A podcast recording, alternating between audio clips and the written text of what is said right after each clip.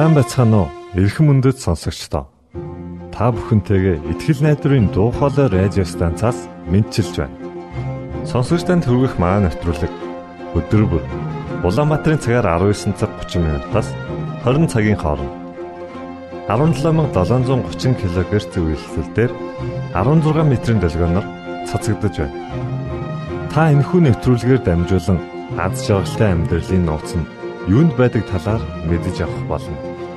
Таныг амарч байх үед аль эсвэл ажиллаа хийж байх зур бид тантай үргэлж хамт.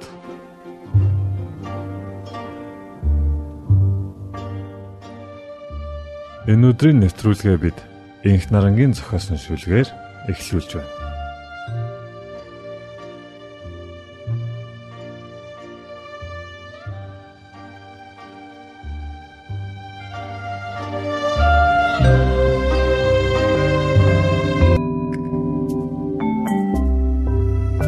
Заяа цэцэрлэгийн хашаанд байгаа хүмүүсийг нүд гүйлгэн нэгэнтээ тойруулж харснаа.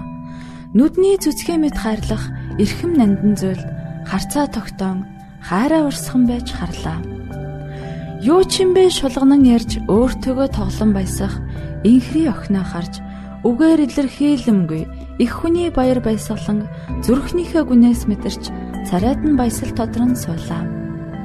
Хаврын улирал дуусч зуны ихэнх сар гисэндээ газарт нэлэх ногоо цохож цэцэрлэгийн энд тэнд алаг цог ногоон өнгө орсон нь хинийд сэтгэлд таата мэдрэмж төрүүлнэ.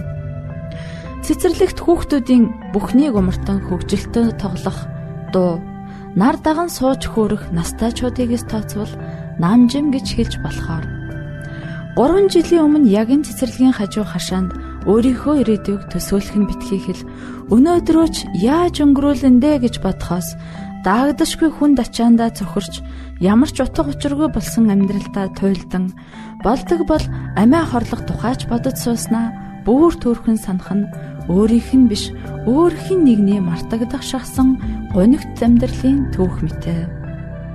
Ер нь хин л өөрийн болоод өнгөрсөн бараан дуртатгалыг сөхөж дурсах дуртай байх билээ дээ. Гэхдээ заяа энэ түүхээ бусдад ярьж гонигт амьдралыг нь хинч дахин бүү давтаасаа гэсэн үднээс чин сэтгэлээс мэдхийг хүссэн хүнд итгэл дүүрэн ярьж өгөх зүрх зоригтой болсон юм. Учир нь өнгөрсөн шинэ жилийн үеэр сүмийн пасторн түнд талархлын шабат өдрөөр гэрчлэлээ хуваалцах хүсэлтийг уламжилжээ. Шинэ жил дөхөөд хүн бүрэл гэртээ, ажил дээрээ, албан өрөөндөө Сургууль дээр тэрч бүхэл зүрх сэтгэлдээ хүртэл баяр хөөргийг мэдэрч сайхан өнгөрүүлэхийг хичээх 12 дугаар сарын 20-д төхөж явсан цаг үе билээ. Заяа шабат өдөр бусдын гэрчлэл сонсох дуртай хідэж өөрийнхөө тухай ярина гэхээс имэж байлаа. Сүм, сүмийн хамт олон гэдэг төрөл бүрийн л хүн цуглаж, өсөх нэг нь өсөж, өөрчлөгдөж, цөөнгөх хэсэг нь ховжив ярьж, зүгээр л шүүмжилт суудаг байхад Зарим нэг нь үнэхээр нэг нэгэндээ тусдим болж бурхны хайрыг харуулж яваа хэсэгч байх юм да. Нуулгүй хэлэхэд заяа тэр цөөнгөө хэсэг болох хүмүүс юу гих бол миний амьдралыг жигсэн зэвүүцэх болоо гэж имэж байлаа. Гисэнд заяа пастрийнхаа хүсэлтийг хүлээн авлаа. Ингээд талархлын шабат өдөр боллоо. Баасан гараг бэлтгэл өдрөө өөрийн ярих зүйлээ бичиж тэмдэглэсэн болоод унтах гэсэн боловч Яг үнэндээ түүний нойр хулжаад олигтой амарч чадсангүй догдолж хонлоо. Сүмийн пастор нь болоод угтагчд өглөө эрт ирсэн байлаа. Сүмэн цэвэрхэн, зөөлөн дулаан, цаанаа сүртэй, бас хүндэлмээр санагддаг эндэр хөгжим техник гэд бүгд урдийн хараа байрандаа байлаа. Гар тосон угтах пастраа хараад түүний сэтгэл тайвшраад явчихав хар дарсан зүүч шиг амьдралыг нь зөв чиглүүлж өгөхөд энэ хүний ухаалаг бурханлаг зөвлөгөө урам зоригоор тэтгэж байсан цаг мөчүүд нь зурсхийн бодогдлоо. Заяагийн төлөөл бэлтгэгдсэн юм шиг энэ сүм пастор сүмийн ахан дүүсийнхээ төлөө бурхан талархан сэтгэл догтлон сууж байлаа. Төвний гэрчил ярих цаг болжээ. Тэрээр эндрийн ард гарч ярьж эхэллээ.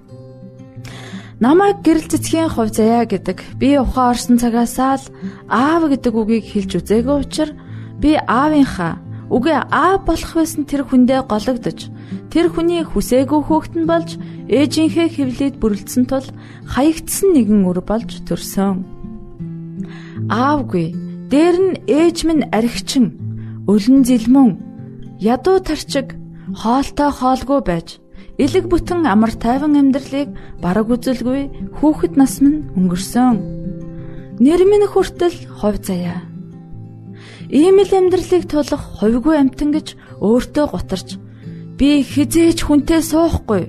Хизээч арх гэдэг муухай үнэртэй ид шидтэй юм шиг уснаас уухгүй гэж өөртөө амлаж байж үлээ. Нэг л мэтгэд би 20 нас хүрсэн байлаа. Ээж минь арх уугаагүй үедээ надад бол бүхнээ л зориулна. 20 насны төрсөн өдрийн өглөө ээж минь надад цааш нь 20 мянган төгрөг өгөөд Орой эрэхтээ миний охин бялуу аваад ирээрээ. Ээж нь аль нь сайн болохыг мэдэхгүй юм гээд намааг үнсээд баяр хүргэж билээ. Аавын хайр халамжгүй амьдралаа үзен ядаж, ээжигээ их л өрөвдөж, хаа нэгтэй байгаа бурханд хандаж, яагаад яагаад гэж уйлан ажилдаа явж билээ. Намайг 10 дугаар ангиа төгсөх үеэр ягаад ч манах гэж нэрлэгддэг байсан цорын ганц зүйл болох хашаа байшин маань өөр хүнийх болж манах ээжийн танилгах айлын хашаанд нүүж ирсэн юм. Сүүлд сонсохны ээж минь намайг сургуульд оруулах гэж хашаа байшингаа барьцаан тавиад авсан мөнгөө юуж болгож чадалгүй идэж уугаад дууссан байсан. Би мэдээж их сургуульд орч чадаагүй ч цалин сайтаны газар ажилд орж Тэндээ сайн ажилтан гэж үнэлэгдсэн байлаа. Би хинтээч нийлдэггүй дуугүй охин байсан. Тэр оройдоо ажлынхан маа надад зориулж ширээ засаж би анх удаа том ширээний ард эзэн нь болж суулаа.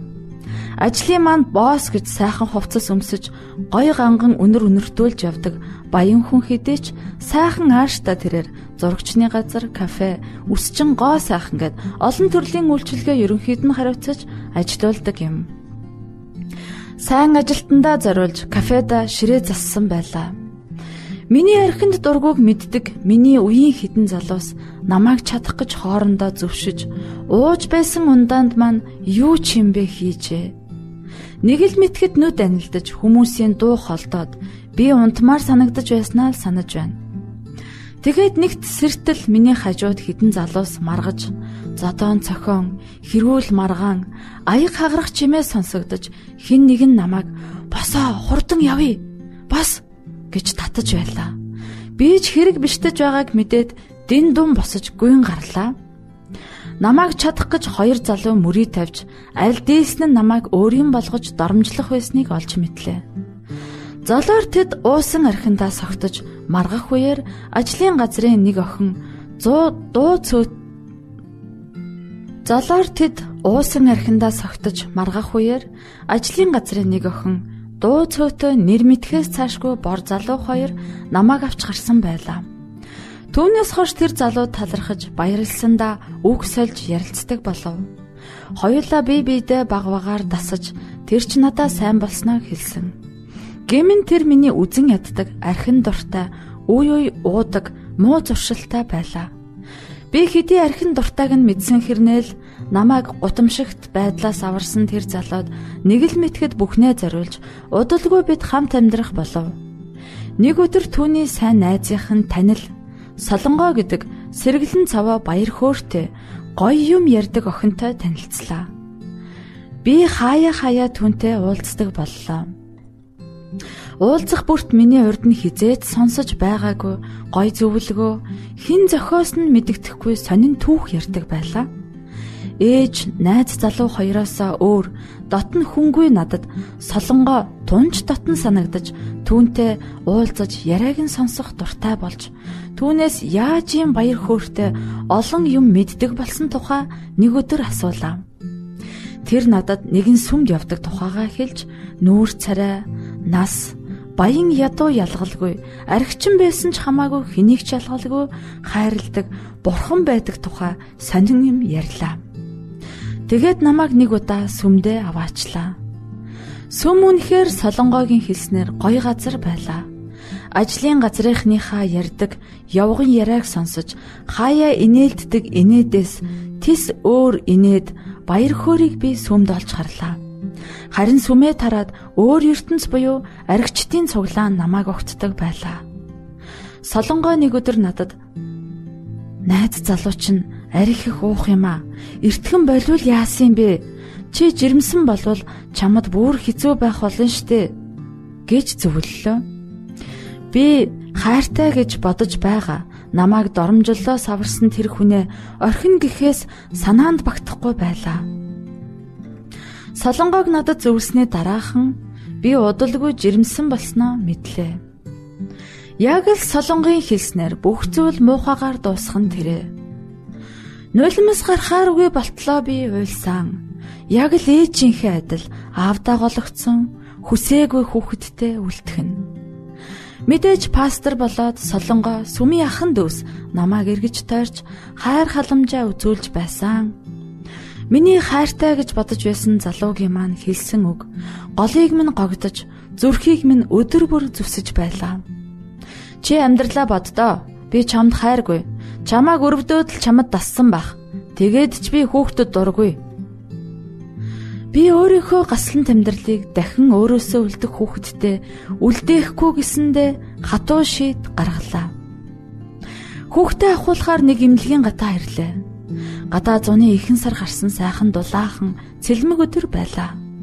Цүнхэндээ хадгалсан хідэн төгрөгөө тэмтэрсээр гадаах цэцэрлэгийн хажуугийн сандалд суулаа. Юу ч бодогдохгүй байх шиг аймаар зүйл байхгүй тэгхэд л мэдэрсэн.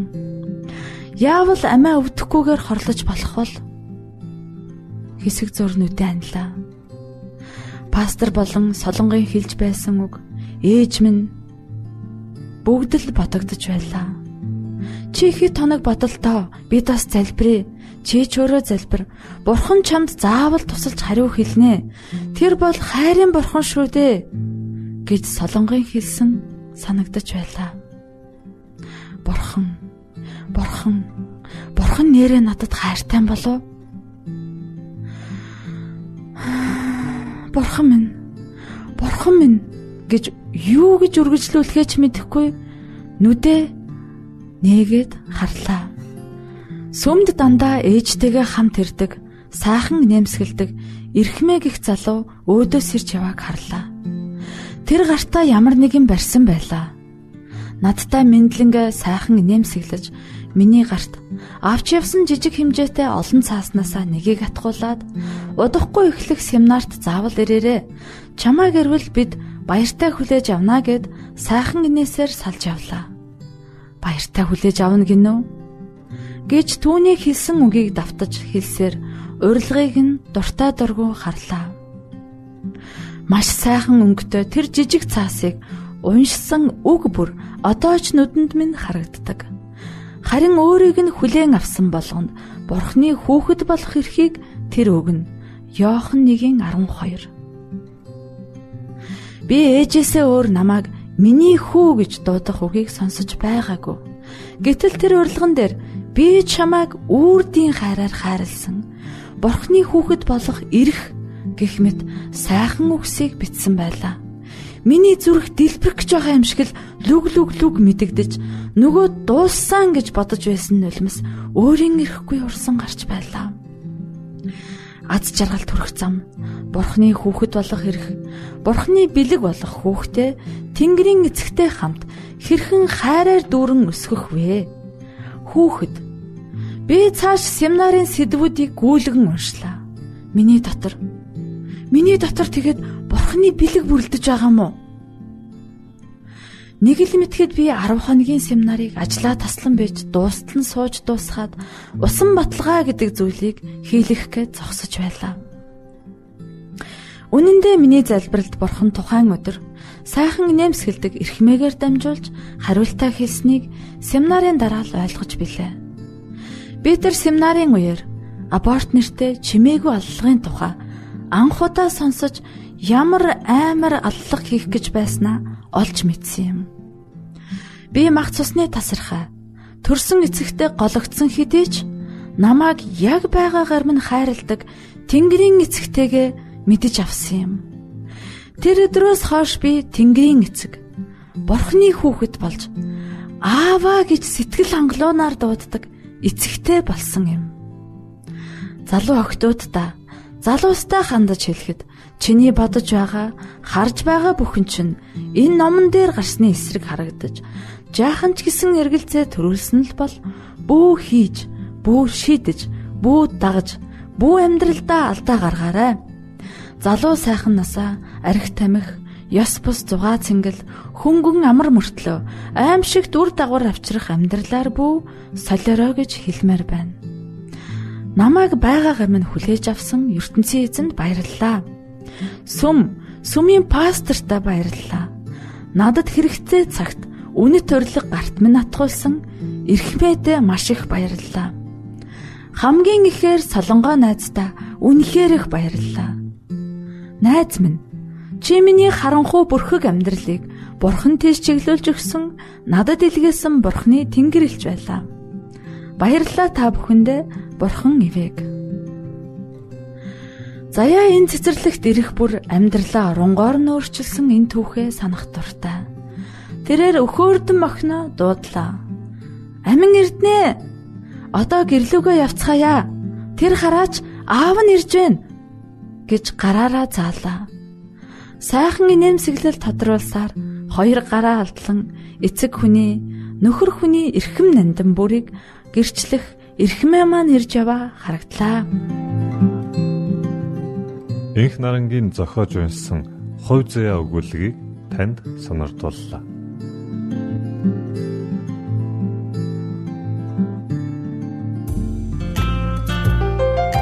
Энэхүү шүлэг танд таалагдсан гэдэгт найдаж байна.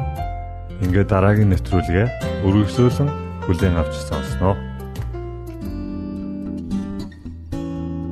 Адвентист гэр бүл номын 17 дугаар бүлэг харилцан буулт хийх шаардлага. Бид Бурхны сүнсийг авахгүй юм бол гэр бүлдээ хизээч эвнэцэлтэй байж чадахгүй. Хэрвээ эхнэр Христийн сүнсийг хүлээн авсан бол хэлж байгаа үгэндээ анхааралтай хандаж зүрх сэтгэлээ хэмж хүлцэнгүй байх боловч өөрийгөө нөхрийнхөө боол биш харин хань ирсэн гэдгээ мэдрэх болно. Хэрвээ нөхөр бурхны үйлчлэгч бол их нэртээ өөрийн хүслийг тулгаж тушааж захирангуй хандахгүй. Хинч санаа зовоосон асуудлаар дүүрэн гэр бүлийн талаар сайхан дурсамжтай байдаггүй Гэр орон бол эзний сүнс оршиж байдаг бяцхан диваажин юм. Хин нэг нь алдаа дутагдал гаргах үе нөгөө нь хань нислээсээ цааргалж хөндийрэлх үе Христийн уучлал өршөөлийг хэрэгжүүлэх хэрэгтэй. Эхнэр нөхөр хоёрын айл нэг нь бие биенээ өөрсдийн хүслээр удирдах гэж хичээх ёсгүй. Бие биенээ өөрсдийн хүслээр амьдруулахыг хичээж болохгүй. Та ийм байдлаа хадгалан бие биендээ хайртай хэвээр байж чадахгүй хандаа ээлдэг, төвчээртэй, хүлцэнгүй, халамжтай, зөөлөн байдлаар хандаарай. Та Бурхны нэгүслэр хоримн дээрээ өргөсөн тангарагаа биелүүлж бие биенээ аз жаргалтай болгох боломжтой. Бие биедээ ээлдгээр буулт хийж байгаарай. Эхнэр нөхрүүд гэр бүлийн амьдралдаа заримдаа хүмүүжилгүй дураараа ашигладаг хүүхдэд адил зан гаргадаг. Нөхөр нь өөрийнхөөрөө зүтгэж, эхнэр нь ч өөрийнхөөрөө байж аль аль нь бие биендээ бууж өгөхийг хүсдэггүй. Ийм нөхцөл байдал зөвхөн их хэмжээний гуниг зовлонг бий болгож байдаг. Эхнэр нөхөр хоёул өөрсдийн үзэл бодлоос татгалзахад бэлэн байх ёстой.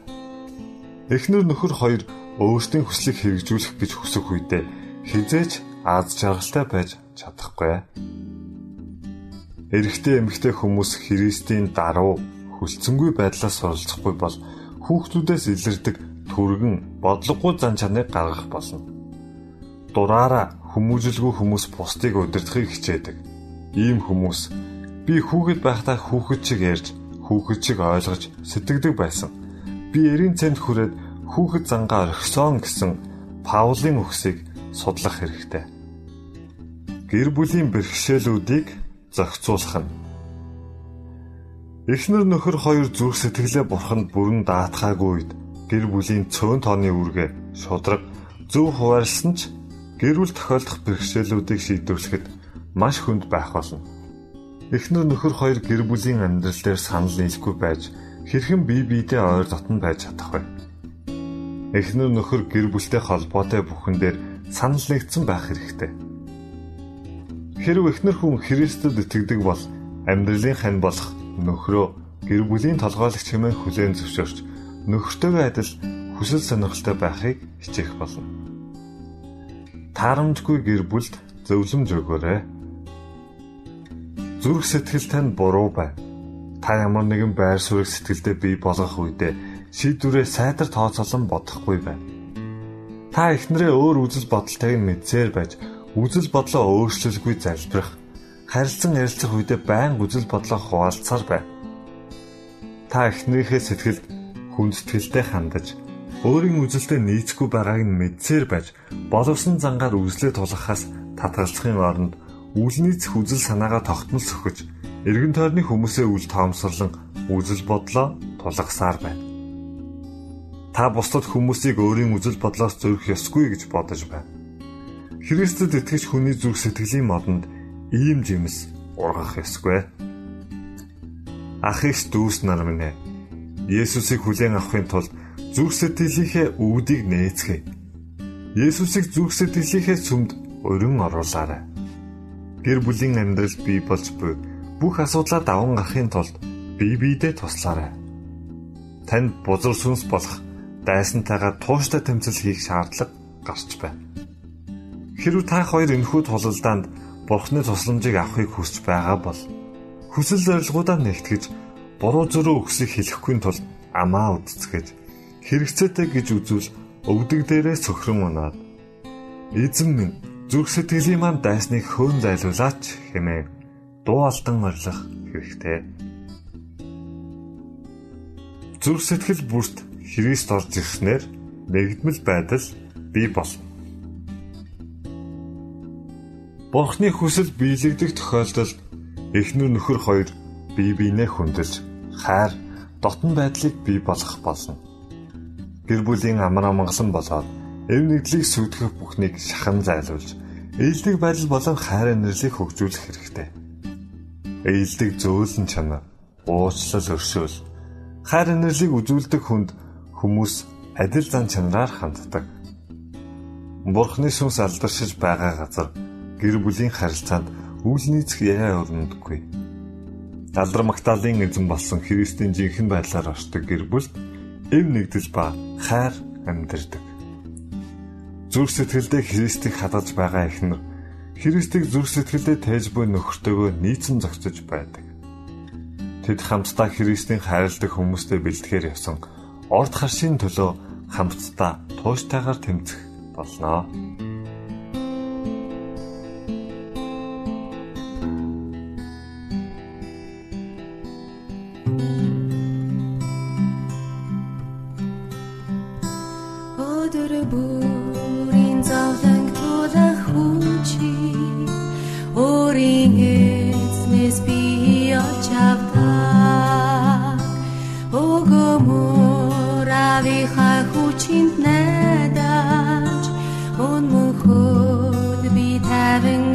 болно.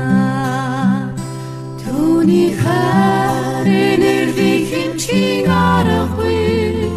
тэр бидээ өгөн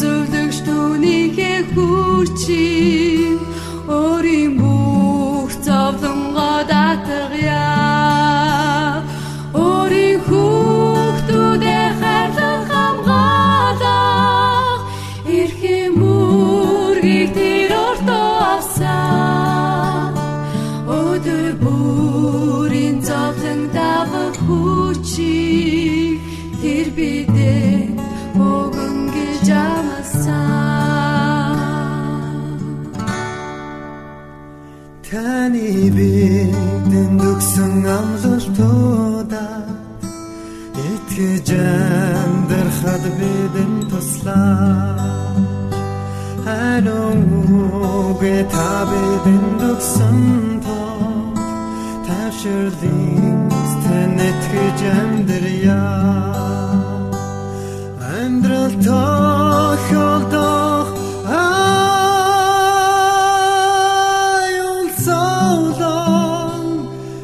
танаас тгийгэд хийг ойлгуулаач онцагоо өдрөн өнгөрсөөр нэг л мэдхэд таны ямасан